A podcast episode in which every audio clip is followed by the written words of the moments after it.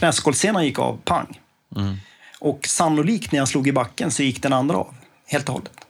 Så jag satt där på golvet, först några sekunder ytterst förvånad. Jag såg att knäskålarna var mitt uppe på låren så att förstod att något var major, major fel. Unika människor presenteras av Vitamin Manager och Apollo Sports. Vitamin Manager skräddarsyr dina dagliga vitaminer. På vitaminmanager.com kan du göra vårt hälsotest för att ta reda på vad du behöver eller välja din dagliga mix själv. Med rabattkoden UNIK får du första månaden utan kostnad och efterföljande för endast 195 kronor. Välkommen! Apollo Sports är Sveriges största arrangör av träningsresor och erbjuder träningshotell för alla intressen och nivåer. Som lyssnare har du nu möjligheten att vinna en resa för två till Apollos resemål Madeira. Gå in på unikamänniskor.com och tävla enkelt. Tack för att du lyssnar. Nu kör vi!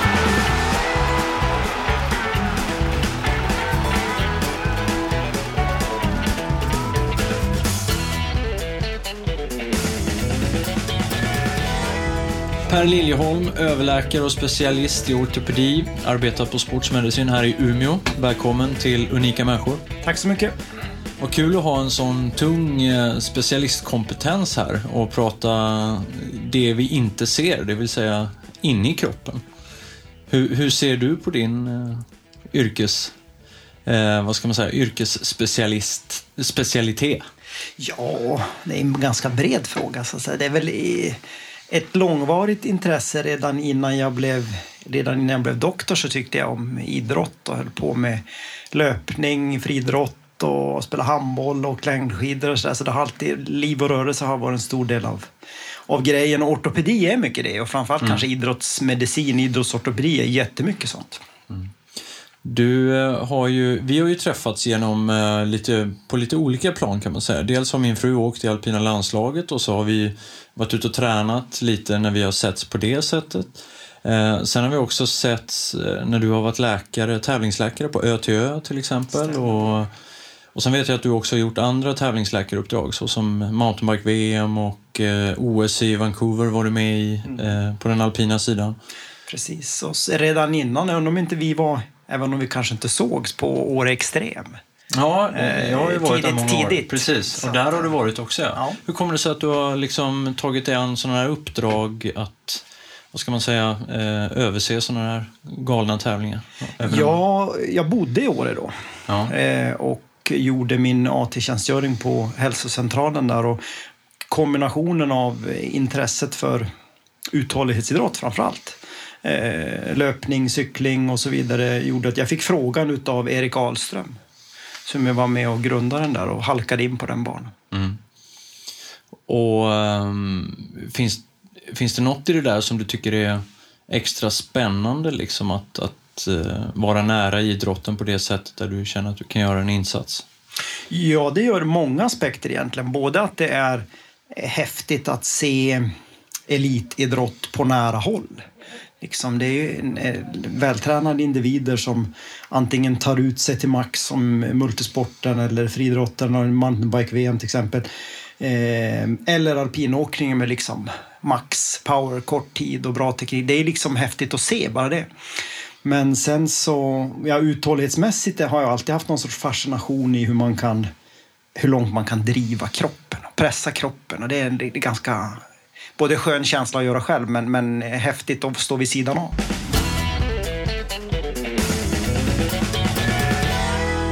Bara få bena ut där och, och ta lyssnarna liksom in i din värld lite här. Vad, ditt dagliga arbete så att säga består av att dels eh, ta emot folk och titta på folk som har skadat sig. Men sen också operera folk. Yes. Eh, Jag, jag, ja. Precis, jag är, ju, jag är ju ortoped och eh, har under många år nu jobbat eh, med idrottsmedicin inom ortopedin. Ser mycket, inte nödvändigtvis alltså bara i elitidrottare, men människor som använder kroppen i fritiden, i sitt yrke, som idrottsman eller kvinna och så vidare. Så att jag, ja, först träffar man dem, bedömer vad är det för skada, klämmer och känner och kikar och lyssnar på deras historia och sådär. Och sen de som behöver opereras för olika åkommor opererar jag också inom, ja, inom det jag kan. Jag opererar inte ryggar till exempel. Och sådär. Men, mycket knän, mycket axlar, fotleder, lite sådana saker. Och man säger ofta att eh, axlar är något av det mest komplicerade att operera eller att, att ta hand om. Håller du med? Ja, det, och det gör det lite mer spännande faktiskt. Jag har gjort mer och mer axlar de sista åren. Och det, Vad är det som är så är ju... komplex med axeln? Ja, lite grann hur den ser ut. Den ser ut det är ju som en sånt här gångjärn under en fåtölj ungefär. En kula som ska rulla i en skål. Eh, och sitter egentligen väldigt fast rätt dåligt över varandra. Utan det hänger ihop mestadels och fungerar mestadels med muskler och senor. Vilket gör att till skillnad från många andra gångjärn, knäleden eller höftleden som sitter ganska hårt fast och är mekaniskt stabilt så, där, så axeln den är helt instabil. Och det som gör att den funkar är det muskulära runt omkring. Så där, där eh, ska man inte vara för klåfingrig och operera utan där kan man göra väldigt mycket med rehab och sånt innan man tar till kniven. Och så där. Ja, Det är väldigt få leder eller, ja, i kroppen som vi kan röra så mycket som Exakt. axeln. Eh, åt alla håll egentligen. Det Både lite- positivt och negativt. Ja, där, hur? Eh, så axlar är spännande tycker du, Ja. för det är svårt. Ja, det är, precis. Det är, det är en utmaning som eh, man måste både vara... Det är klart man måste alltid vara duktig med kniven, men man måste också veta när man inte ska använda den. Eh, just precis som du sa, för att det, man har extremt stort rörelseomfång och många gånger är det inte alls kanske något som behöver eh, sys ihop, lagas, fixas, utan kanske en, en duktig sjukgymnast som kan styra upp träningen och så vidare. Och där du jobbar idag på Sports Medicine, där har ni alltså kompetenser, dels sjukgymnaster som är specialiserade på, på, på det de kan så att säga, och sen har ni då eh, kirurger, kallar man det så? När Ja, ortopedkirurger. or- Mm. Ortopedkirurger som går in och, och gör de här ingreppen. Och det är en ganska, ni är väldigt duktiga på det här, eh, här uppe. Ja, vi gör ju mycket och det handlar ju mycket om det, att, att få stor mängd på det man gör och, och ehm, kanske... Det är klart att jag kan tycka att det kan vara en fördel att man har kunskap om eh, idrottslivet och rörelselivet vid sidan av. Vilka krav har människan som sitter mitt emot den och vad gör de egentligen på riktigt? Liksom, vilka belastningar utsätter de sig för? Och man kan prata lite samma språk. Sådär. Så det, det tror jag vi är ganska bra på. Sen finns det många i Sverige som är duktiga på att operera. Det handlar mycket om att göra mycket. Så. Men... Men du sätter nästan kniven dagligen i någon? Ja, jag opererar väl tre gånger i veckan ungefär. Tre gånger i veckan? Ja, så måndag, onsdag, torsdag brukar jag operera och sen mottagning resten. För oss lyssnare, eller många av oss som lyssnar på det här, så är ju att, att stå där och sätta kniven i någon, det är en ganska udda företeelse. Det händer ju så, inte i mitt liv i alla fall. Det har aldrig hänt, kommer nog aldrig hända. Men hur tänker man när du ska snitta upp någon och göra någonting? Är du, vet du ofta vad du kommer se eller är det, kan det vara några helt nya grejer? Um, allt som oftast vet man nog, eller har åtminstone preciserat ganska bra innan vad man kommer att se. Så att det vanliga är det vanliga. Det var någon som sa under utbildningen liksom att hör du hovar så tänk häst, inte zebra. Liksom. Det, det. Sen, men det har ju att göra med också att man har känt och sett på saker förut. Ja. Eh, men man har också i möjligaste mån innan man sätter kniven i någon förberett sig, utrett dem med kanske en magnetkamera, ett ultraljud, känt på dem. Så man har preciserat och ringat in problemet innan. Man ska inte behöva leta med kniven helst, utan veta innan. Vad är det konstigaste du har sett när du har öppnat någon? Ja, det var en bra fråga. Det är väl att jag gick in i ett knä en gång och sen så var det som att någon hade hällt in risgrynsgröt nästan. Alltså hundratals små, små, små, små riskorn såg det ut som. Det var inte det, det var broskbitar. Eh, som jag kunde fylla ett helt kärl med sådana där små bitar. Ja, det var Det var nog det knepigaste. Det var jag inte förberedd på. Men du, jag tänker på det när ni, när ni gör den här um, förberedande fasen, när ni liksom um, magnetröntgar och så vidare. Jag brukar alltid tänka på det att utrustningen som ni använder är väldigt high tech, men en gång i tiden så var den ju inte det. Och det är ju bara att backa kanske 20 år eller 10 år. Den här utrustningen verkar ju, den verkar ju väldigt snabbt gå snabbt framåt så att säga. Ja, det är ungefär som jämför med mobilen eller med Ja. kameran i upplösning och teknik och allting sånt. Att tar man en mobil som är tio år gammal, det är inte så mycket att ha med dagens utveckling. Så det är samma med en magnetkamera eller ett ultraljud. Och, men men man, man får inte fastna i det. Eh, Nej, okej. Utan man måste ju... Eh, en bild är en bild. Ungefär tar man, jag sa senast åt en patient idag att om du har ett korsband och sen så tar du ett fotografi på den med en magnetkamera. Så ser du hur den ser ut men du vet inte hur det fungerar. Det kan vara ett tajt och hårt och fint mm. gummiband som är det, Men det kan också vara ett slappt och lite halvdåligt. Så att det, det handlar ju om att, att väva samman allt det här med att lyssna på patienten. Mm. Vad berättar de? Känns det som att något är glappt och jag kan inte lita på det där? Eller, eh, och sen vad känner man i händerna och sen para ihop det med det man ser på bild. Stämmer det verkligen det som hon eller han berättar kontra det jag ser på bild? Jag tänker mig en, en eh, doktor i din sits, ni har inte så många simulanter som kommer och liksom... För jag menar, till er kanske de inte kommer i det läget, eller har ni akutfall också? Ja, halvakuta. Eh, vi, vi jobbar både gentemot landstinget så att du kan få en remiss från sjukhuset eller från vårdcentralen men också till stor del gentemot försäkringsbolag. De har ganska snabba handläggningstider så att har du eh, varit uppe i fjällen i helgen och vridit till ditt knä ordentligt så kan de komma till mig måndag, tisdag. Så ganska snabbt ändå. Men inte liksom pang på. Nej. Men där är inte så många som simulerar någon... någon... Nej, de flesta har ju inte vinst på något sätt så ska jag väl säga. Det har väl ingen människa vinst av att... Men man kan säga så här, kommer man så känner man att jag har ett bekymmer som jag inte vill ha eller som jag fungerar dåligt med och jag vill ha det åtgärdat. Mm.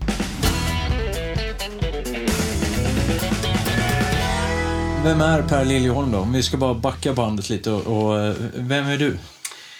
Per Liljeholm är en eh, 45-årig man från eh, långt norrifrån från början, Gällivare-Malmberget som har pluggat eh, medicin i Umeå och sen gjort AT-tjänstgöring i Östersund och i Åre. Hållit på med idrott hela mitt liv. Sådär. Längdåkning som liten, handbollsspel parallellt med ökad mängd löpning och sen snöa in på banlöpning, 8-1500 meter. Så det var väl det som var min grej idrottsligt så. Hur bra var du? Sprang lite DN-galor och någon landskamp och sådär och jag var väl som bäst kanske var femma, sexa i Sverige. Jag låg oftast mellan 9, 10, 11 där någonstans, sån rank. Vilka var i generationen runt dig då? Eh, jag var lite efter Martin Enholm och eh, de här. Just det. att, eh, mm, Och du ser ju, du är lite längre än vad jag är. Du kan vara 1,87. mm, Ja. Precis. Och eh, så här sprinterkropp nästan. Eller fem, Ja, typiskt li- 1500 precis. meter Jag var aldrig sprintsnabb så riktigt. Men 800 var en rolig kombination. Det var, man var tvungen att vara halvsnabb, eh, bra uthållighet. Man fick köra lite styrka, lite sprint och lite mycket långa intervaller också. Och, eh, men du sökte dig till Åre och Östersund Ja. tidigt för att du kände att det, du har hjärtat någonstans i sporten och... och Ja, och sen så visste jag att Östersund, det var ett lagom stort sjukhus och som rent ur doktorsperspektivet så, där, så fick man, man fick göra väldigt mycket. Eh, och introduceras i jobbet ganska snabbt, men med bra backup. Eh, plus att de var ju, i och med fjällen och mycket skador och sådär, så var ortopedin ganska stor. Och eh, det kände jag väl att det där intresserade mig. Så. Så du var med under hela den här eran när snowboarden kom till Sverige och, och fixade handleder på folk som Mm. Precis. ramlade? Ja. Provat snowboard två gånger i hela mitt liv. Hur gick det då? Ja, det gick bra. Första var faktiskt han Johan, Johan Olofsson, han som blev Ja. Burton-proffs. Han är ju från Gällivare, Malmberget, 86 kanske. Nej, ja, det gav väl inte sådär supermersmak, så det var kanske därför det är två gånger. Men du förstår varför folk bryter handlederna? Ja, ja, ja, ja, oh ja. Har du varit med om mer sådana trender som har gått inom träning och idrott och hälsa och sådär, som, som där, du, där du har märkt en markant skillnad i ditt yrkesliv på skador? Ja, en sån här ganska nylig är ju det här barfotalöpning. Ja, Det tycker, spännande. det, den har väl avtagit lite grann, tycker jag nu. Men eh, om man tittar på Facebook till exempel, de är i olika grupper eller ja, cykel och träning och löpning och sånt där, då ser man att det hänger kvar lite grann. Och det är en sån tydlig grej som har förändrat i hur man tänker och hur man, eh, ja, hur man belastar fötterna och vad man har på fötterna. Och där, där kanske många säger emot mig, men det finns olika skolor om vad som är bra och vad som är dåligt. Men om vi, om vi delar upp den grejen lite då. Vad, vad har du märkt i ditt yrkesliv? Att, vad, vad kommer folk med för typ av skador? Den stora mängden är fortfarande skadorna från de här mm, idrotterna som är vridvåld mot knäna. Utan tvekan. Men jag tänkte just i barfota Ja, barfotalöpning. Ja, Ja. Det, där är hälsenor, hälsenor. Okej. stressfrakturer Ja. ehm, och ehm, överbelastningsrelaterade besvär. Eh, Ja, små stressfrakturer på konstiga ställen, överbelastning när det gäller mm, ja, plantagefasciit, alltså hälsporre till exempel. Den typen utav. Och ehm, ställer du frågor då om de har sprungit i såna här? Faktiskt så Ja. brukar jag göra det. För hälsenor till exempel är ganska tydligt påverkad av vilken höjd du har på klacken. Just det. Eh, så, så springa i ett par lite mer raceorienterade skor liksom på hårt underlag med, eh, med hälsenebesvär ger oftast mycket, mycket mer besvär än om du har lite mer sådär toe heel drop på skon. Och eh, har du själv testat? Ja, Mm. opererad tre gånger för mina hälsenor så jag har testat mycket. Men testade du det i syfte att du trodde att det skulle hjälpa? Eller? Nej, jag har alltid gillat från friidrottstiden när man sprang mycket i spikskor och sådär så har jag alltid gillat känslan i ett par väldigt lätta minimalistiska skor på så sätt att inte, jag har aldrig tyckt om att springa liksom båtar så.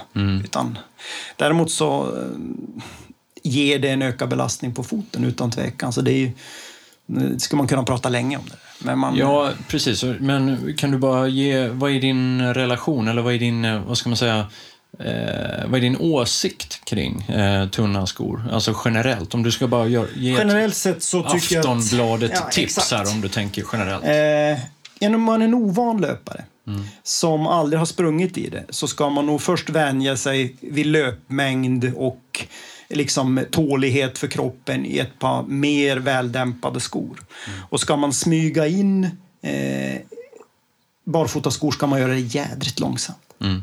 Alltså korta pass eh, med ganska lugn kvalitet på ett hyfsat eh, förlåtande underlag i början och göra det under lång tid så att fötterna vänjer sig. Mm. Tänket har ju funnits länge. Inom friidrotten så körde man mycket liksom så här barfota sprints efter träning och eh, lite sådana grejer. Eh, För att liksom, lite, det blir ju allmänt ökad fotstyrka och så vidare men det sliter mycket hårdare så det är det man måste ha i bakhuvudet hela tiden. Och sen var ni ju väldigt vältränade också när ni gjorde den typen av träning. Exakt, man var van vid löpning och hög mängd och allting sånt. Så att, eh, Eh, Okej, Och, men du pratade också om generell, generella skador som ni får in, alltså de stora grejerna. Vad är det mest du ser där ute idag? Ja, nu börjar det nog nästan vara 50-50 axlar knän. Mm, okej.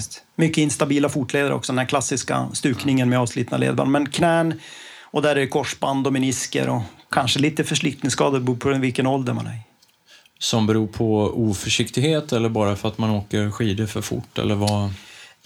Både och kanske, men, men i många idrotter så är krafterna så otroligt stora så att jag tänkte på det när jag såg den Axel Lund Svindals sista krasch. Mm, mm. Alltså gör man vissa saker går saker sönder oavsett hur vältränad man är. Det, det är lite grann så. Och fotbollen till exempel, som är fortfarande nummer ett i Sverige när det gäller eh, vridvolden, så, så då ska du ju kunna ha någon i ryggen som trycker till samtidigt som du har ett underlag som du ska ta hänsyn till som kan vara lite blött, halkigt och sen kraftig vridning i knäleden. Så det är många faktorer som samverkar. Och eh, jag tänker en, så här, eh, en sport vi har i Sverige som ser ganska våldsam ut, det är ju faktiskt ishockey tycker jag. Vad, vad drabbas de av? Eh, betydligt mindre knäskador. Ja, det är så. kan man inte tro Nej. med tanke på hur mycket fysisk kroppskontakt man kan ha. Vi jobbar ju väldigt mycket med Skellefteå och, och har gjort så i flera år och sådär. Jag ska inte säga att jag inte har sett någon korsbandsskada, det har jag gjort, men det är ändå betydligt få. Eh, utan där är det ju axlar, går in i sargen, bryter nyckelben, eh, axlar ur led och sen är det hjärnskakningar mycket. Ja. Och ljumskar, det är väl deras överbelastningsrelaterade besvär. Man, Det är inte så konstigt om man tittar på skridskoskärret. sådär. Ja. Mycket riv och slit. Så. Och du, vi pratar om den alpina skidåkningen där eh, och jag vet att jag lyssnade på en intervju med eh, dig i Sveriges Radio där, du, där de pratar just om alpina sportens försök att eh, försöka tygla skadorna. Eller liksom, ja. då pratade du väldigt mycket om att då måste man ändra kanske sportens karaktär lite med, sk- med skidorna och sådär. Vad, vad är dina tankar kring det? Ja, vill man... Om man, man kan säga så här, om, man, om det enda målet är att reducera antalet knäskador så skulle man kunna göra det ganska enkelt. Alltså man kan, genom att minska kraften, det gör man ju genom att dra ner hastigheten framför allt. Eh, och sen kanske en annan bansättning, men sen så kan man eh, vara väldigt noga med vilket underlag man kör på. Eh, vilken sikt man racear i och så vidare. Då, då drar man ner på hastigheten och torsionskrafterna som det heter, vridkrafterna jättemycket och då, då får man mindre skador. Men då blir ju alpinåkning en annan idrott i princip. Eh, och nu har vi ett läge i Sverige där många alpina skidåkare är skadade. Eh, vad, vad beror det på? Är, är folk dåligt tränade eller har bara skidorna, att, har det blivit mer krafter? Ja, på... Den här säsongen har ju för det första varit absurd nästan ur skadesynpunkt. Mm. Och, och jag har fått den där frågan många gånger, vad är det som har hänt? Mm. Men egentligen så har ju eh, både materialet har man ju faktiskt redan för några år sedan dragit in eller minskat radierna på skärningen och så, där, så att de ska vara mindre aggressiva. Så det är, det är snarare har man gjort en åtgärd åt minska krafterna redan för några år sedan. Och att de är dåligt tränade, det vet vi ganska väl att de inte är via regelbundna tester genom flera år. Så de är snarare extremt bra tränade. Skulle jag mm. Jämför man alpinåkarna med många andra idrotter där man eh, utsätter sig för stora krafter så är det som skiljer alpinåkarna är att de är både starka men de är också otroligt starka under ja, situationstecken dåliga förhållanden, under eh, obalans, under kraftigt vrid eh, och så vidare. Så att de är... Jag sa till en patient idag att om man rehabiliterar ett korsband ska man först bli jättestark i vanliga, raka, fina banor. Man kör benböj och man kör mm. baksida och så vidare. Men sen måste man, för att kunna bli duktig och komma tillbaka till idrotten, så måste man bli duktig på det man kallar för komplex styrka. Alltså styrka under svåra, ojämna underlag, under obalans. Under, det är alpinåkarna fantastiska på. Just det. Ja, för det är inte så många eh, verklighetssituationer som bara är en rak benböj så att Exakt. säga, på plant fint underlag. Och långsam rörelse. Sådär. Ja. Så, nej, det är sant. Vi går tillbaks lite till din, egen, eh, till din egna löpning. Och när eh, bestämde du dig för att sluta med friidrott? Ja, lite ofrivilligt faktiskt, för mina hälsenor pajade. Sådär. Mm. Så att jag av någon underlig anledning så jag sprang länge. Jag kan se faktiskt tillbaka redan från 15-årsåldern att jag under somrarna skrev träningsdagbok och kunde faktiskt köra två pass sådär förmiddag eftermiddag. Men jag tävlade inte på något seriöst sätt förrän jag kanske var 19-20. Så det var många, många år där jag tränade för att jag njöt av att träna och tyckte mm. det var roligt. Sådär. Visste aldrig att jag hade lätt, lätt löpsteg och det var sådär. Men egentligen när jag flyttade hit till Umeå och började som student och kom i kontakt med friidrott på riktigt sätt. I Gällivare finns det inte så mycket friidrott. Det är liksom vinter mestadels. Ja, just det. Och sen, sen eh, var, var, det ett sorgligt avslut eller kände du liksom att nej, men nu kan jag ägna mig åt motionsidrott på ett bra sätt? Både och. Jag eh, hade väl kanske inte fortsatt med banlöpningen så många år till. Det skulle jag inte ha trott. Eh, om jag hade pikat resultatmässigt törs jag inte säga lite grann. Men jag hade ju gärna velat kunna fortsätta som eh, njutande motionär. Alltså, mm. Springa är fantastiskt. Det är liksom enkelt var du än är, vilken årstid som helst. Eh, du behöver inte så lång eh, träningstid för att känna att du kan vara trött och så vidare. Så det, det är lite svårare med dåliga hälsenor och lite dåliga knän till på köpet. Ja, precis. För att du kommer ju precis från en, re, en ganska seriös rehabperiod själv där du har opererat dig i båda knäna. Vad, vad var det som hände? Ja, vad var det som hände? Du skulle det göra var... comeback eller? Nej, inte riktigt. Jag... Eh, eh, mina barn håller på med friidrott och sen så hade vi en, en träningsdag där vi hade kört pass på förmiddagen och på eftermiddagen. Och så, innan en eh, middag så skulle vi avsluta med 200 meters stafett, tränarna mot barnen. Och de är inte så stora, men de springer ganska fort så där, så att man fick ta i rätt ordentligt. Springa 200 meter inomhus och så kände jag att det nöp till i ena knät och knäskålsenan gick av, pang. Mm. Och sannolikt när jag slog i backen så gick den andra av helt och hållet. Så jag satt där på golvet först några sekunder ytterst förvånad. Jag såg att knäskålarna var mitt uppe på låren så att jag förstod att något var major, major fel. Och hur, vilken diagnos där? Hinner du ställa någon diagnos på dig själv? Liksom? Att fat, du fattade direkt vad som har hänt? Jag gjorde nog det. Ja. Hur eftersom... ont får man av det? Ja, från början var det kanske första 30-40 sekunderna mest massiv förvåning och sådär. Men sen så, ja, jag säger det i radio, men det gjorde jävligt ont. Ja. Och har du några liksom direktiv på vem som ska göra vad? När du liksom, eller bara låter du sjukvården sköta allt? Eller? Ja, I och med att jag inte kunde, alltså jag kunde inte röra benen. Jag hade ingen som helst böj, sträckförmåga i knäna. Så jag ja. satt ju där jag satt. Så jag var tvungen att bli hämtad. Jag försökte en kort, kort stund ta mig därifrån, men det, det gick inte. Så de, de var ju tvungna att ringa efter ambulans. Ja. Så jag hade inte så mycket val. Nej. Men nu kan du springa lite? Ja, jag eh, joggar kan man mm. väl säga. Kan det vara viktigt för dig att förstå lite det här bakom också, när du väl själv är skadad och veta hur det är att komma tillbaka, hur det är att träna, hur det är att liksom, ja. Jo, men det tror jag nog. Jag har fått den frågan jättemånga gånger och vad, vad liksom, det där kan du dra positiva växlar på. Och delvis så kan jag nog det faktiskt. För att för det första så har jag insett vad jag vad man kan göra efteråt, alltså efter operationen. Mm. För det hänger väldigt, väldigt, väldigt mycket på det. Mm. Det är klart att den som använder kniven måste göra på ett bra sätt och det, det tror jag de har gjort på mig också. Men prognosen med det jag hade, den var ju sådär om man är snäll. Det var ju liksom ett smärtfritt vardagsliv med inte tänka på att springa eller så mycket idrott eller eh, sådär. Eh, men, men man kan göra oerhört mycket själv med, ja, med rätt kunskap. Ja. Så är det så. Har man inte den själv, vilket jag som tur var kunde sitta på då, så, så bör man ha någon nära sig som kan. För det handlar om att ligga på gränsen, kanske någon enstaka gång lätt över, men man får inte göra för lite och inte för mycket. Nej. Men jag tänkte på det, på de- prognoserna som man ofta hör. Det kanske är lite sådär att folk... Det är lite domedagsprognoser som ofta ställs. Att du kommer aldrig mer kunna gå eller du kommer aldrig mer kunna göra det här. Och sen eh, så hör man ju såna här historier om att folk reser sig och verkligen gör... Ja, de kör en Ironman liksom, eller vad det nu kan vara.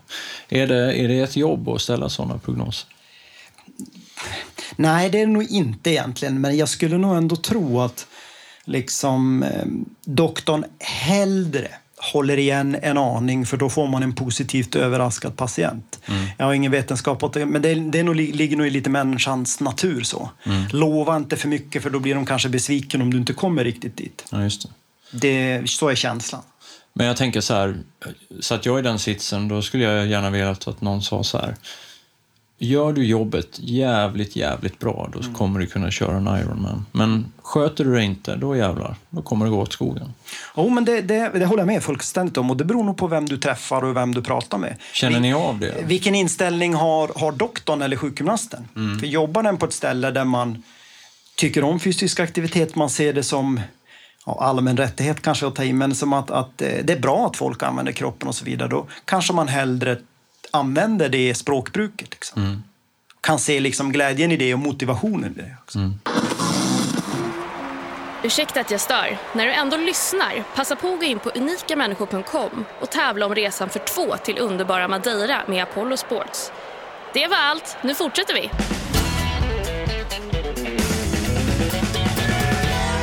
Du har opererat en hel del um, idrottskändisar, så att säga också. Um, är det några namn här? Jag vet Zlatan har figurerat. Jag vet inte om du får säga vad du... eh, Zlatan har inte jag eh, haft hand om faktiskt. Jag tror inte han blev opererad i Umeå, men han blev omhändertagen och behandlad här. Men det har inte. Nej, okej. Men oavsett... Mina vem- barn fick en autograf, men jag eh, har inte varit Nej. inblandad.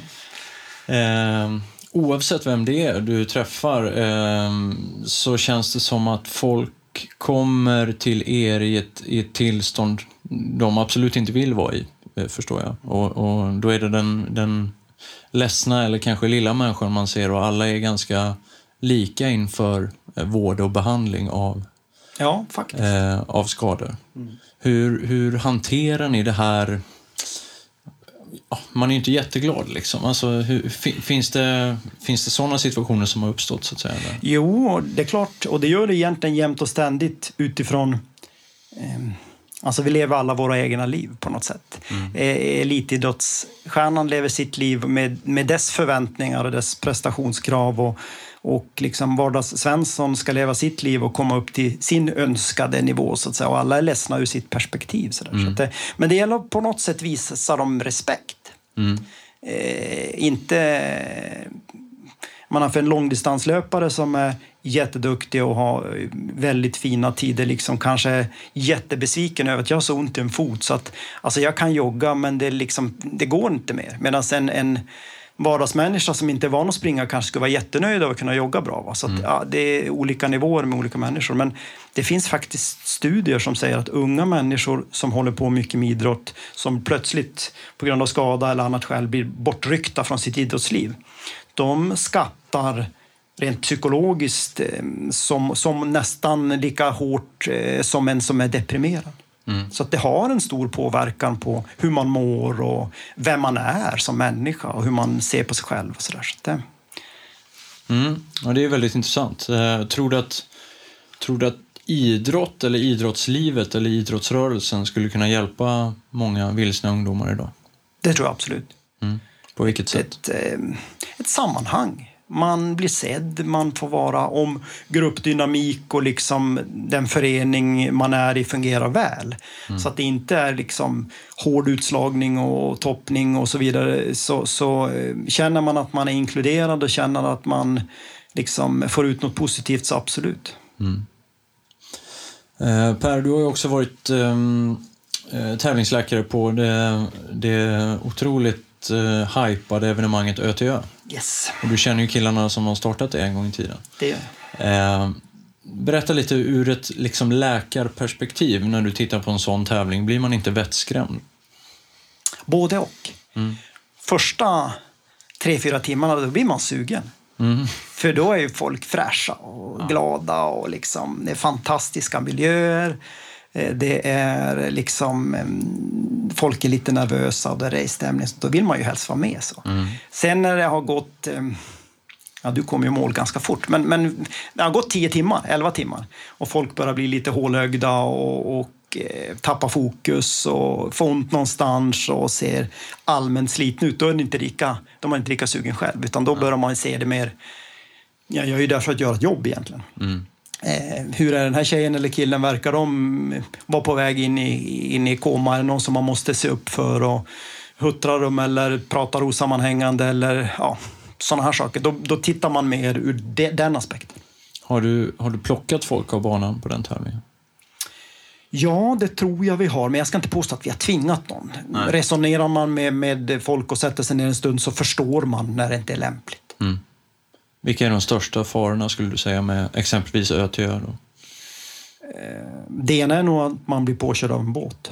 Mm. Ja med lite sjögång och sen små skallar som guppar i vattnet. Det är ändå Stockholms skärgård, det är rätt mycket trafik sådär. Så det är väl det. Där har man ju väldigt fin backup och säkerhetsorganisation. Men det är nog en fara. Det andra är, det är ju inte för de som inte har varit där, så det är inte lö vilken löpning som helst. Det är liksom ja. klipphällar, risigt, martallar och så vidare. Och har man otur så är det blött och halkigt. Så att ramla och slå huvudet är nog kanske...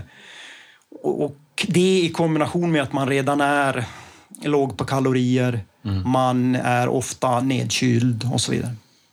Det är förvånansvärt få som har, i alla fall vad jag vet och hört om, eh, trillat på sten, stenar och slagit i huvudet. Alltså skall, riktiga skallfrakturer. Alltså, ofattbart får. Ja, det har, jag förstår inte varför det är så lite, men det, på något sätt så funkar det. Ja, ja det är jättekonstigt. Peppar, Eller konstigt. Peppar. Ja, peppar, peppar.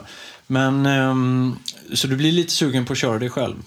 Ja, men, men min simbakgrund är för dålig så jag känner att jag, ja, det är väl där det faller på. Andra evenemang som du har varit, du var på mountainbike-VM i Åre 99. Mm, precis. Eh, där var det lite, det var också ett VM, för jag var också där, det var ju väldigt dåligt väder minns jag. Där. Ja. Ganska halt och blött va? Väldigt. Ja. Eh, Vad upplevde ni där?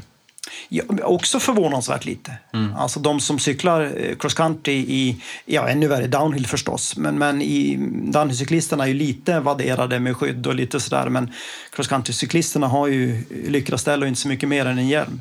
Eh, och de banorna var tekniskt ganska svåra, det var extremt lerigt och mm. halkigt och så vidare och det hände jättelite. Någon enstaka grej bara. Ja. Det var mer åskådare som vrickade fötterna och gjorde illa sig. Ja. Jag tänker på det när vi pratar ÖTÖ, även Åre Extreme Challenge där när man kanske eh, går runt, slår runt med kajaken i kallt vatten och, och likadant ÖTÖ när det är kallt eh, i vattnet. Vad är liksom... Eh, för det finns ett tillstånd som kallas hypotermi, va? Precis.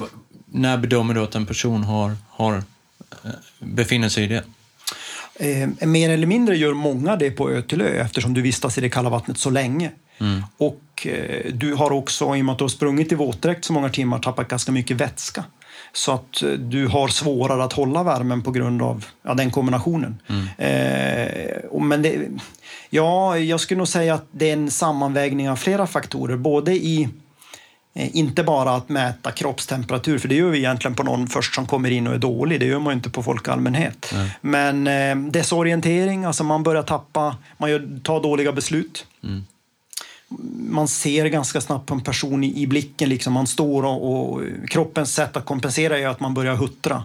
Mm. Shivering på engelska. Det är liksom en kompensationsmekanism för att när du skakar i musklerna så alstrar du värme.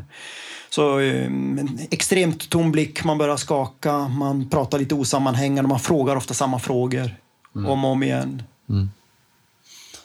Eh, jag inbillar mig någonstans, jag har ju kört Ötö när det har varit riktigt kallt, men jag inbillar mig ändå att värme är ännu hemskare. När det är riktigt varmt och man eh, jag vet inte om du har varit med på några värmetävlingar och sådär? Hur, hur, vad skulle jo, du säga? Men det, det, är nog sant. De är hemska på olika sätt kan man säga. Den här mm. hypotermin, den kan man ju många gånger genom att ja, i god tid se patienten, eller idrottaren, ingen patient i, i det här fallet, men eh, man värmer dem, eh, filtar, talar de blöta kläderna, får i dem varm vätska, i extremfallet kanske lite varmt dropp. Då löser det sig ofta alldeles utmärkt. Mm. Det ska extremt mycket till innan du får, i alla fall i, i ö till ö-miljö när det ändå är tidig ja, sen sommar eller tidig mm. höst, så, eh, att du ska få en allvarlig hypotermi på det sättet. Det är annat med vinter vintermiljö eller Estonia-katastrofen eller så ja. vidare. Medan eh, den eh, extremt varma miljön, om man pratar om det som man brukar kalla för heatstroke, mm. eh, Hawaiis eh, eller ultratävlingar i, i ökenmiljö, den här Marathon de Sable till exempel, så vidare. Där, där får du ju det man kallar för elektrolytrubbningar, alltså rubbning i saltbalansen. Mm. Och det kan vara riktigt, riktigt livsfarligt och kan vara svåra att häva, kräver intensivvård på sjukhus och så vidare. och Så vidare. Mm. Så det, det kan vara potentiellt livsfarligt eh, och svårt att häva liksom på plats ute on-site medan det kan du oftast göra med hypotermi i måttlig art i alla fall. Mm. Du har jobbat en del med multisport också, mm. vet jag. Och, eh, vad är det för, liksom, där, där kan du ju verkligen vara ute i flera dygn. Ja. Där pratar vi fem, sex dygn, Precis. ibland upp till en vecka. Vad, vad, vad har de för issues? Ja, det är lite kombination utav ja, de traumatiska skadorna förstås. Du kan köra omkull med cykeln, mm. eh, vricka fötter och sådana saker. Och de händer ju mer ju längre in i tävlingen du kommer för folk blir tröttare. Mm. Man sover ju extremt lite. Mm. Eh, kanske på en 6-7 dagars tävling kan det röra sig om några timmar liksom, på mm. sex dygn. Och det gör ju att man tar lite sämre beslut mot slutet av tävlingen och man navigerar fel och man väljer dålig terräng och så vidare. Eh, men sen så blir det ju, eh, det mesta är ju den extrema överbelastningen. Mm. Det är löparknän akut, det är sådana här senskidesinflammationer där det börjar knastra i hälsenor eller från stavremmen på, på skidstavar eller såna här saker. Men sen är det också den här kollapsen. Mm. På grund av en kombo av inget sova, för lite kalorier och för lite vätska och sen ansträngning under flera dygn. Mm. Då går du fundamentalt in i väggen. Och det är inte riktigt en sån här längdskidåkare in i väggen efter en fem mil utan det är som en annan nivå på det i och med att du har hållit på så många dygn och pressat organismen. Du nämner aldrig där, det är lite intressant, eh, extrema skavsår eller öppna sår och sånt där. Som, jag vet att man har sett bilder så på fötter som är helt mm. trasiga, men då, det verkar som de flesta fortsätter ändå. Ja, och det ser jag snarare som ett, ärligt talat, som ett brev på posten. Ja. Alltså sysslar man med multisport så kan man inte komma ut efter fem sex dagar med snygga fina fötter. Utan det, det, är, det är något som kommer att hända, inte som blir en olycka som kanske ja. händer. Utan det, men det är mer, det är ganska lätt att fixa. Det är bara att tejpa och... Ja, tiden ja. läker de såren oftast. Men man, har man, skött om, man, man kan sköta om sig innan bättre och sämre. Mm. Alltså du ska ha skött om dina fötter med fotbad, det ska inte finnas förhårdnader, du ska ha klippt alla dina naglar, du kanske ska ha förtejpat lite grann, eh, du ska inte ha nya skor och så vidare. Och så, vidare. så du kan underlätta. Och på tal om det då, vad, ska man sticka hål på en blåsa eller ska man låta den vara? Eh, jag sticker alltid hål. Ofta så eh, är det en stor blåsa så får du extremt tryck ja. och så får du ont av det. Eh, sticker du hål på den och gör det med hyfsat rena grejer mm. så visst, du blottar ehm, en, en, en såryta. Men sätter man på en ren kompid eller liknande så får du oftast mindre ont mm. och kan fortsätta. Bra tips. Jag läste en intervju med dig om det här med att uh, tävla under långa distanser med um, smärtstillande. Vad är din take på det? Vad, vad, vad tänker du? Jag vet att det, det, har ju varit på tapeten ganska mycket mm. där. Ta en Ipren eller Alvedon. Och så. Mm. Egentligen tycker jag ju inte om det om jag ska vara ärlig. Nej, men du vet, eh, precis som jag, att det förekommer Absolut. ganska bred utsträckning. Och inte bara inom uthållighetsidrotten utan många, många, många lagidrotter inom alpina åkning. Alltså det konsumeras hemskt stora mängder utav framförallt de här inflammationshämmande tabletterna, Voltaren eh, liknande. Eh, och det har ju visat sig väldigt tydligt vetenskapligt att, att de har en det, brukar jag säga främst till idrottarna, att de har en negativ inverkan på muskeltillväxt. Mm. Så att man hämmar det man kallar för proteinsyntesen, alltså uppbyggningen av muskel. Även om den är marginell så, och många kan säga att jag äter Voltaren i 15 år som hockeyspelare, spelar ingen roll. Eh, så är det, framförallt så är det så att du hör inte riktigt kroppens signaler. Du vet inte när du går över gränsen, det är väl framförallt det. Men det är olika beroende på vad man har att göra med, utan tvekan. Är det en, är det en farlig skada, säg att det är en rygg. Mm en disk som buktar eller ett diskbrock och sen så gömmer du den smärtan och sen åker du störtlopp på det. Mm. Det är klart att då kan det gå åt fanders. Mm. Eh, Medan har du ett, en relativt sett ofarlig skada, du har en hälsporre eller ett mm. löparknä eller så ska du, eh, ja, då känner jag väl egentligen ingen fara om jag, jag, jag kan ta mig igenom det här milloppet, ta en Voltaren och sen så fungerar mitt löparknä. Mm. Den enda som får sota för det är du själv. Det är ingen livsfarlig skada, det är inte något sånt. Så man måste det är inte svart eller vitt, det finns nyanser av det också. Mm. Vad kan konsekvenserna av ett långvarigt sånt eh, Alvedon eller Ipren eller, eller Voltaren-tuggande mm. bli? Så att säga. Ja, du säger 15 år hockeyspelare, liksom. det, ja, du känner till sådana fall? Ja, du går över gränsen alldeles för ofta muskulärt eller mm. ryggar och så vidare. Och sen så får du allvarliga skador än vad du borde ha fått. Mm. Men sen så, ju äldre du blir desto känsligare dina njurar för de här tabletterna. Så att du kan få sån påverkan och så vidare. Nu är det ju oftast om du överkonsumerar, mm. eh, inte om du kanske tar förskriven dos. Men just det här att du, du blockerar kroppens signaler och känner inte när, när jag borde ha slutat. Mm. Nu kommer jag på vem det var som jag tror att ni har opererat och det var David Beckham. Ja eller nej? Nej. Nej, fas. Ja, vi åter... David Beckham är opererad i Finland faktiskt. I Finland? Mm. Ja. Får... Av en... Eh, härlig gammal eh, ortoped som har varit hos oss ibland, men vi har inte varit inblandade där heller. Um, jag fortsätter fråga sen. Uh, jag vet att ni på kliniken, ni reser världen runt och och um, går på lite så här, eh, olika såna här uh, sportiga medicinkliniker runt om i världen. Vad, vad, finns det för duktigt folk ute i världen som sysslar med det ni gör? Det finns naturligtvis fantastiskt mycket duktigt folk. I, i de, om man då tittar specifikt på idrottsmedicin så i de länderna där idrott är stort mm. så finns det duktigt folk som är vana och som gör stor mängd. Och Tyskland har ju jätteduktigt, de är organiserade och duktiga och sysslar med vetenskap och sådär. Amerika finns det förstås jätteduktiga Australien, Sydafrika, eh, Finland, Norge är jätteduktiga på idrottsmedicin. Mm. Eh, vetenskapligt, alltså mycket duktig forskning och de har det här toppidrottscentret eh, som är superproffsiga. Saknas det, förutom ni då, men tycker du Sverige saknar några instanser av, av kompetens inom det här området? Sverige är inte så stort land och i förhållande till det Dubbelt så, så stora som Norge? Förvisso. Eh, så Eh, nej, kompetensen finns. Ibland kanske man skulle kunna tänka sig att samordning, mm. eh, att man samarbetar mer skulle leda till större framgång. Mm. Vi har ju elitidrotten styrs i Sverige utav två organisationer, Riksidrottsförbundet och Olympiska kommittén. Den frågan var på tapeten bara för någon vecka sedan när man hade förslag på att, att samme man skulle bli ordförande för bägge två. Mm. Men, eh, skulle det funka? Det skulle det säkert göra. Eh, det finns väl för och nackdelar med, jag är lite för okunnig på området så för att uttala mig, men, men samordning och samsyn och eh, eh, ja, resurser som är sammanhållna är väl sällan fel, att det är ordning och reda på något sätt. Mm. Så det är möj möjligen att sådana saker, men kompetens finns det. Och i, i Sverige har ju framförallt inom uthållighetsidrott, alltså idrottsfysiologi och sånt varit världsledande eh, vi har Borgskalan när man mäter ansträngning och vi har Ekstrand, laboratoriet och vi har Bengt Saltin som var i Köpenhamn med doping och vi har väldigt många världsauktoriteter på det området. Mm. Okej, tillbaka till skador. När det är så att det inte finns någon hopp, eh, något hopp för en, eh, för en arm eller ett ben eller alltså kan man, kan man bryta benet så komplicerat så att man måste amputera? Ja, det kan man. Men oftast inte ur alltså benskelettperspektiv.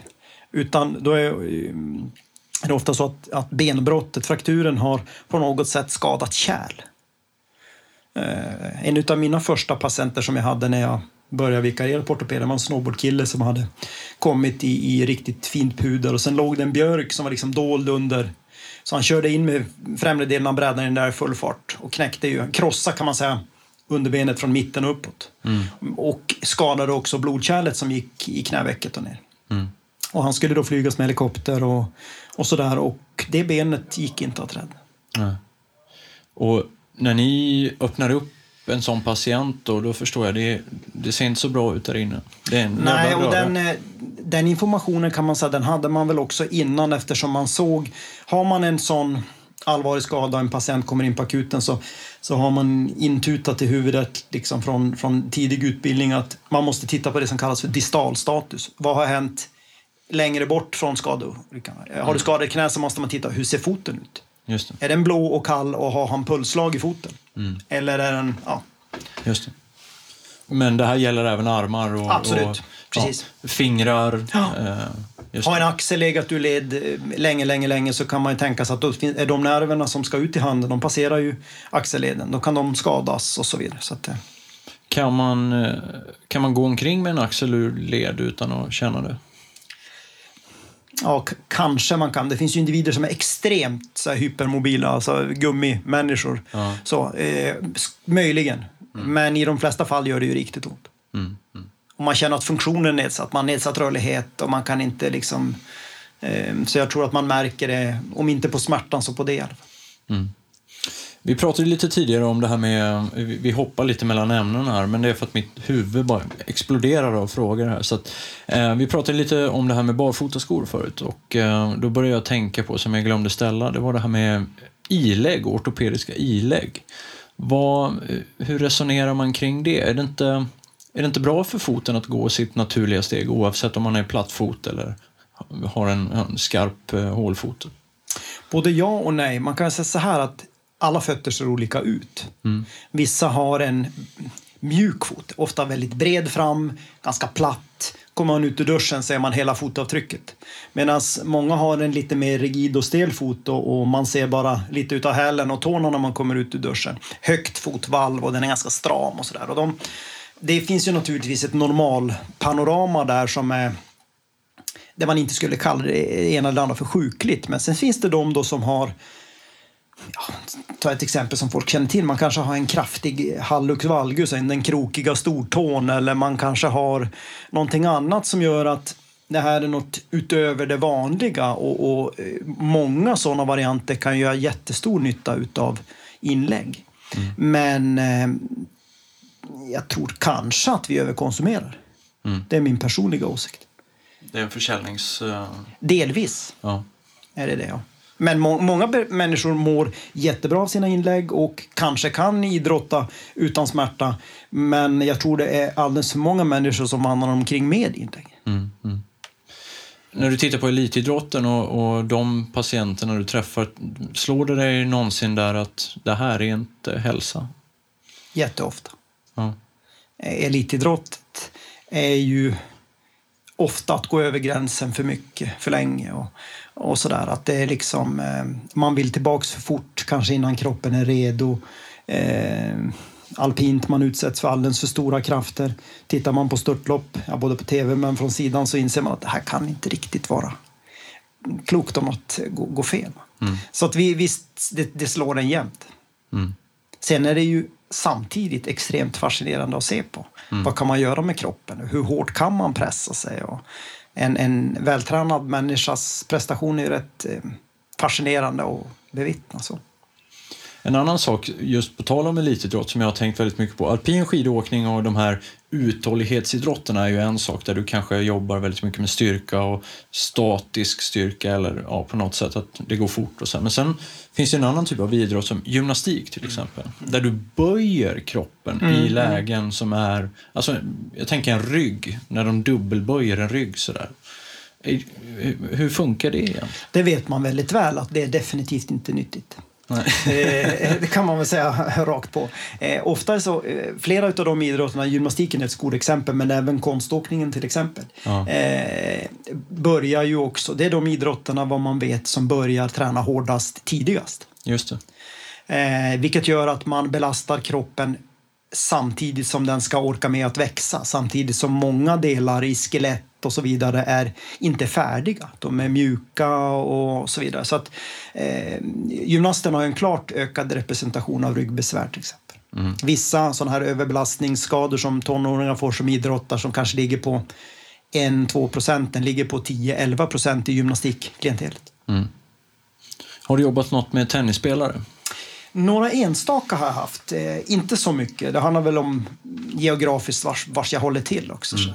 Det finns ju sporter där asymmetri är en ganska Absolut. stor problematik, där man bara jobbar med en, en sida eller man är, man är hela tiden starkare på en sida. Mm. Och det kan man ju se ibland när man ser så här Federer eller Nadals armar. Så det är skillnad i armarna till oh ja. och med. Vad, och där är, det ju, där är ju bedrövligt att få en skada i den armen man spelar med. Mm. Vad, vad tänker du kring sånt? Där har man ju, alltså det gäller nästan alla idrotter, om man ställer upp en tennisspelare idag, eh, Mats Ylander kontra eh, en, en, en duktig kille idag så ser de helt annorlunda ut. Mm. Samma med Stenmark och André Myhrer till exempel. Ja. sådär. Det, det, är ju, man tränar otroligt mycket med styrka. Ja. Eh, och vet ju om att det här är ett problem. Men det är ju ändå så att alla dessa tusen slag som du gör med höger eller vänster hand, den kan du aldrig riktigt kompensera upp på andra sidan. Men man gör så mycket man kan för man vet ju både att man går sönder annars lättare mm. och att man, man blir bättre om man jobbar med styrka. Eftersom racketsporten, alltså ett tennislag, är extremt mycket rotation. Mm. Hämta bakifrån, rotation och fullfölja, slå igenom. Så det är liksom, du, du blir bättre av att vara stark på andra sidan också. Mm. Men är styrketräningen ett måste för all elitidrott? Ja. Du anser det? Ja. Mm. Sen kan ju styrketräning se extremt olika ut mm. utefter behov. Eh, jag vet till exempel, eftersom jag ägnar mig mer åt cykel de sista tio åren än löpning, så har jag debatterat till exempel på cykelsidan. Är styrketräning bra eller inte? Mm. Eh, för man får en ganska bra... Styrketräning måste inte nödvändigtvis bedrivas i gymmet. Nej. Utan man får en ganska bra styrketräning utav cykling också. Mm. Du kan ju liksom spinna med hög kadens och, och i, i princip bara få hjärta och lungor men du kan också köra tunga styrkeintervaller med låg kadens. Du kan stå upp och så vidare. Så där kan man ju säga att man delvis jobbar med styrkan men på cykeln. Mm. Man, man är ju livrädd för att samla på sig för mycket eh, vikt och så vidare. Eh, men jo, men jag skulle säga att styrketräning, men i olika former, är bra. Mm. En maratonlöpare vill förstås vara superlätt mm. eh, och så vidare. Men, men är de, har de svaga muskler, då är de inte hållfasta och då går man sönder. Du, hur ofta får du eh, feedback på eh, bra respektive dåligt jobb du har gjort? I operationer? Nästan alltid skulle jag vilja säga. Ja. Därför att generellt sett så eh, tycker jag inte om att operera någon och sen aldrig se dem på ett återbesök. Nej för patientens skull men också för min egen, för då lär jag mig ingenting. Då vet jag inte vad jag har gjort bra och jag har gjort dåligt. Hur resonerar patienten? Vars brukar de ha ont efteråt? Och vad brukar krångla och vad brukar gå bra? Och så vidare. Så att jag ser, jag skulle nog säga alltid, om det inte är något ytterst, ytterst litet banalt. Mm. Eh, ser de alltid minst... Vad är, vad är banalt i din värld? Säg att det sitter någon liten ytlig skruv som man ska ta bort eller någon, något som jag har... Min kollega tog bort Eh, efter ett korsbandsoperation. Det var en knut som var lite ytlig, det var en tunn mm. individ, så den störde när man... Ja, liksom så det är en grej som man... Det är ett sår som kan tas på hemorten, stygnen på 14 dagar behöver man okay. inte se. Mm. Men eh, i 99,9 procent av alla som jag opererar vill jag se åt det för att det, ja, det ger mig något och jag lär mig saker och det ger, patienten kan ställa frågor. Mm. Eh, vad har du gjort? Varför? Vad händer nu? Och så vidare. Och så, vidare. så jag tror man vinner på det. Längre. Men jag tänker, det är ju inte läge sen när man har sytt ihop någon precis och tänka så här, fan, där slarvade jag lite. Nej, det är det inte. som med alla, alla jobb, men det får ju andra konsekvenser. Fast jag kan ju skicka mejl ibland, så om nu vi definierar det som ja, mitt jobb, kan jag skicka mejl och undra vad fan skickar jag det där för? Men det, ni har inte riktigt den eh, marginalen. Nej, det har man inte och det, det, får man ju då... Många gånger så är det ju så att, att eh, man vet precis som i alla jobb, när är det superviktigt att vara jäkligt noggrann? Mm. När hänger det på millimetern? Eller att knuten sitter och så vidare. Och när är det inte lika noga? För så är det ju även med att operera. Ja. Eh, ska jag spänna upp ett korsband, så bör jag spänna det i rätt vinkel i knäleden så att patienten kan böja och sträcka efteråt och så vidare. Att jag gör enligt eh, ja, precis rätt regim, för annars blir det väldigt dramatiska konsekvenser för patienten. Men när man syr ihop, då syr man ofta ihop först under huden i fettet och sen så syr man ihop huden. Och, och under huden, det är inte så noga för det kommer ingen att se sen ändå. Nej, nej. Huvudsaken att det sitter. Mm. Är knuten ful eller fin, det spelar inte så stor roll. Medan huden är ju trevligare om man syr ihop snyggt, för det är kosmetiskt för patienten. Så det, Just det. men oftast så går det inte så mycket fortare att slarva heller, så att ingen, varken jag eller någon annan tjänar på det heller. Men du, hur, hur, jag bara tänker, på, hur lång kan en, dina längsta operationer vara? Ja, tre, fyra timmar kanske. Sällan. Men hur, eh, hur gör man? Dricker du något under tiden? Nej. Alltså hur håller du fokus? Nej, liksom? inte s- det, det gör jag faktiskt inte. Mm, Tidigare i min hästutbildning när jag gick runt på olika saker, mm, då ska man prova olika grejer på Ja. rygg eller de som opererar tumörer eller nu må vara, eller operera om krångliga höftkulor som skulle bytas ut eller så vidare. Då kunde man stå 6-7 timmar och då fick man ibland in något saftglas med sugrör och dricka i vid sidan av munskyddet. Men 3-4 timmar behöver jag. Jag äter ordentlig frukost och sen så äter jag och lunch nästan alltid. Eh, Även om den är snabb ofta så, så får jag i mig något. Men annars tappar jag fokus utan tvekan och det, det vill jag inte. Och är du nervös inför ett ingrepp? Ibland? Eller alltid?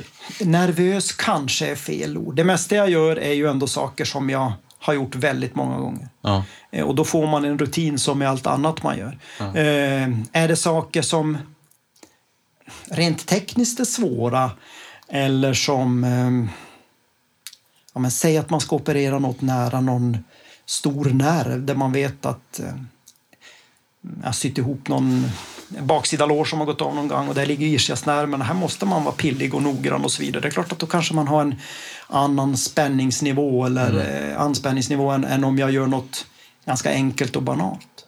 Så. ja, spännande det där. Eh, Men du har aldrig varit arg på dig själv för att du har gjort ett dåligt jobb? Tystnad. Jag måste fundera faktiskt. Ibland... Kanske inte just dåligt jobb under när man väl har bestämt sig för att den här ska man operera. Då försöker man ju oavsett vem som ligger där på bordet göra så bra jobb som man kan. Men jag kan ibland ångra att här skulle vi nog inte operera. Eller tvärtom. Här skulle vi nog kanske ha gått in tidigare för att ja, det visar sig ändå vara det fel man trodde. Alltså mer så att beslutsfattandet inte Kanske att man, det tycker jag nog på mig själv, att jag är lite mer återhållsam än när jag började. Att det var lättare. Som ortoped är ju ändå, men man opererar och ur patientens perspektiv så ser de att ja, men det, det, det är det han gör och det är det liksom så. Och då är det lätt att säga att ja, ja, men vi opererar väl för att då blir allt bra det. Men så är inte alls alltid fallet. Det kanske klokaste många gånger är att inte operera.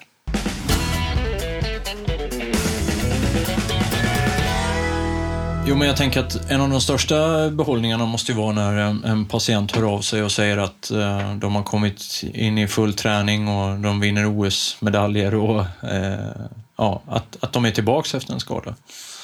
Det måste ju också hända ofta. Ja, det gör det faktiskt. Och det, men det... Eh, när man jobbar så där, nu är som sagt elitidrottsklientelet ändå, det finns inte så många va, så de är inte flest. Så kan det många gånger vara faktiskt den, den samma, samma sak som du säger egentligen, men det måste inte nödvändigtvis vara elitidrottare. Utan att du får en, eh, någon som, som eh, är jättenöjd och känner att men alltså jag har inte jag hade en tjej här, hon var väl inte speciellt idrottslig. Eh, Hon hade inte kunnat belasta på böjt ben man, på, sen hon var 11-12 år. Alltså gå i trappor, eh, cykla tufft, sätta sig på huk. Och så gjorde vi en, en grej där. Så plötsligt, vi är inte riktigt framme än, men be- bedövade ett litet ställe och plötsligt så gjorde hon utfallssteg och satt, hoppade grodhopp liksom efter fem mm. Hon var så himla glad. Och det var ju ingen som folk känner till i idrottsvärlden och så vidare, men just det, känslan är ju här på något sätt. Ja, precis. Ja, Per, gud vilket spännande område det här är. Jag tycker att det är, det är väldigt sällan man hör eh, en podcast och, där man hör en, en sån kunnig person prata på ett sånt här sätt. Jag vet inte varför läkare inte blir inbjudna oftare till... Eh, gör du mycket såna här grejer? Nej, det här är väl ett ovanligt format så i och med att jag har jobbat med ja, framförallt alpina då, eh, under många år så har det blivit en del media i samband med skador och mm. intervjuer och sådär. De, framförallt de här stora, eh, när det är OS och VM och det är lite mer fokus på, på idrotten, då blir det mycket sånt. Då vill alla veta hur kropparna ligger till? Ja, och framförallt om de något skiter sig. Liksom. Ja. Som Vancouver var lite speciellt med, ja. med Anja och Patrik. Och då, då, då, det var fixstjärnor som liksom gjorde illa sig. Så där. Då blev det mycket korta stunder. Men... Hur hanterar du det? Vad, liksom, säger man allt som man vet? Eller? Nej, det gör man inte. Nej. kan jag säga på rak För det första så måste man ha klart för sig att jag pratar om en annan människa. Ja. Det är liksom... Eh, vem det nu än är som har gjort illa sig och de må vara liksom en massmedial kändis så har ju den personen faktiskt lika stor rätt till sekretess och respekt och liksom så som vem som helst. Mm. Så att man måste ju prata med individen först. Mm. Vad, vad, tycker du att vi ska säga och så vidare. Sen så, i och med att det är då massmedialt och jättestort intresse så tjänar man ju sällan på att ljuga. Det kan man inte göra. Nej. Och säga för lite, då kommer frågorna ändå. Mm. Så att, att eh, vi har väl haft en, en bra strategi inom alpina tycker jag att eh, vi har snackat med den det gäller, sagt att det här pratar vi om, man går ut med ett pressmeddelande ofta mm. som TT tar hand om och då sprids det till då minimerar man den tid man behöver svara på frågor också. Så, men var ärlig, ha kommunicerat innan med, med den det gäller. Ehm, det är nog huvudfokus. Mm. Ja, Per, vad ska du göra resten av dagen? Eh, vad ska jag göra resten av dagen? Vi ska åka iväg till sommarstugan imorgon så jag ska... Jag först måste jag på jobbet och ringa lite. Ja, det gör man. Ja, det måste man. Det måste man. Nu har jag varit borta några timmar. Så att, men sen så ska jag fixa och dona lite inför imorgon. Ja. Tack så jättemycket för att du kom till Unika Människor. Tack själv.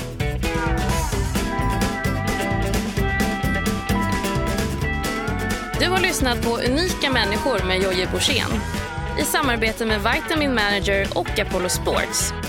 Tack till producenten Jonas Sjöberg och produktionsbolaget A1 Produktion.